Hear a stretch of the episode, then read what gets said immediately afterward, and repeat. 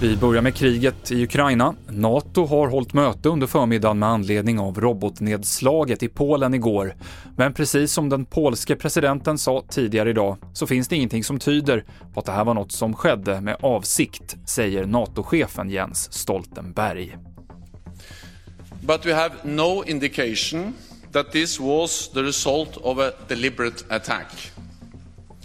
And we have no indication that Russia is preparing offensive military actions against NATO. Stoltenberg sa också att det troligaste är att det här skedde när Ukraina försökte skjuta ner en rysk robot med en egen robot och att båda sen landade i Polen och orsakade två dödsfall. Och i Norge har den tidigare anfallsstjärnan i fotboll John Karev dömts till 14 månaders fängelse för skattebrott.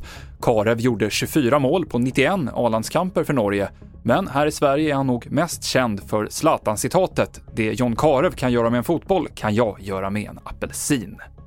Fler nyheter hittar du på tv4.se. Jag heter Mikael Klintevall.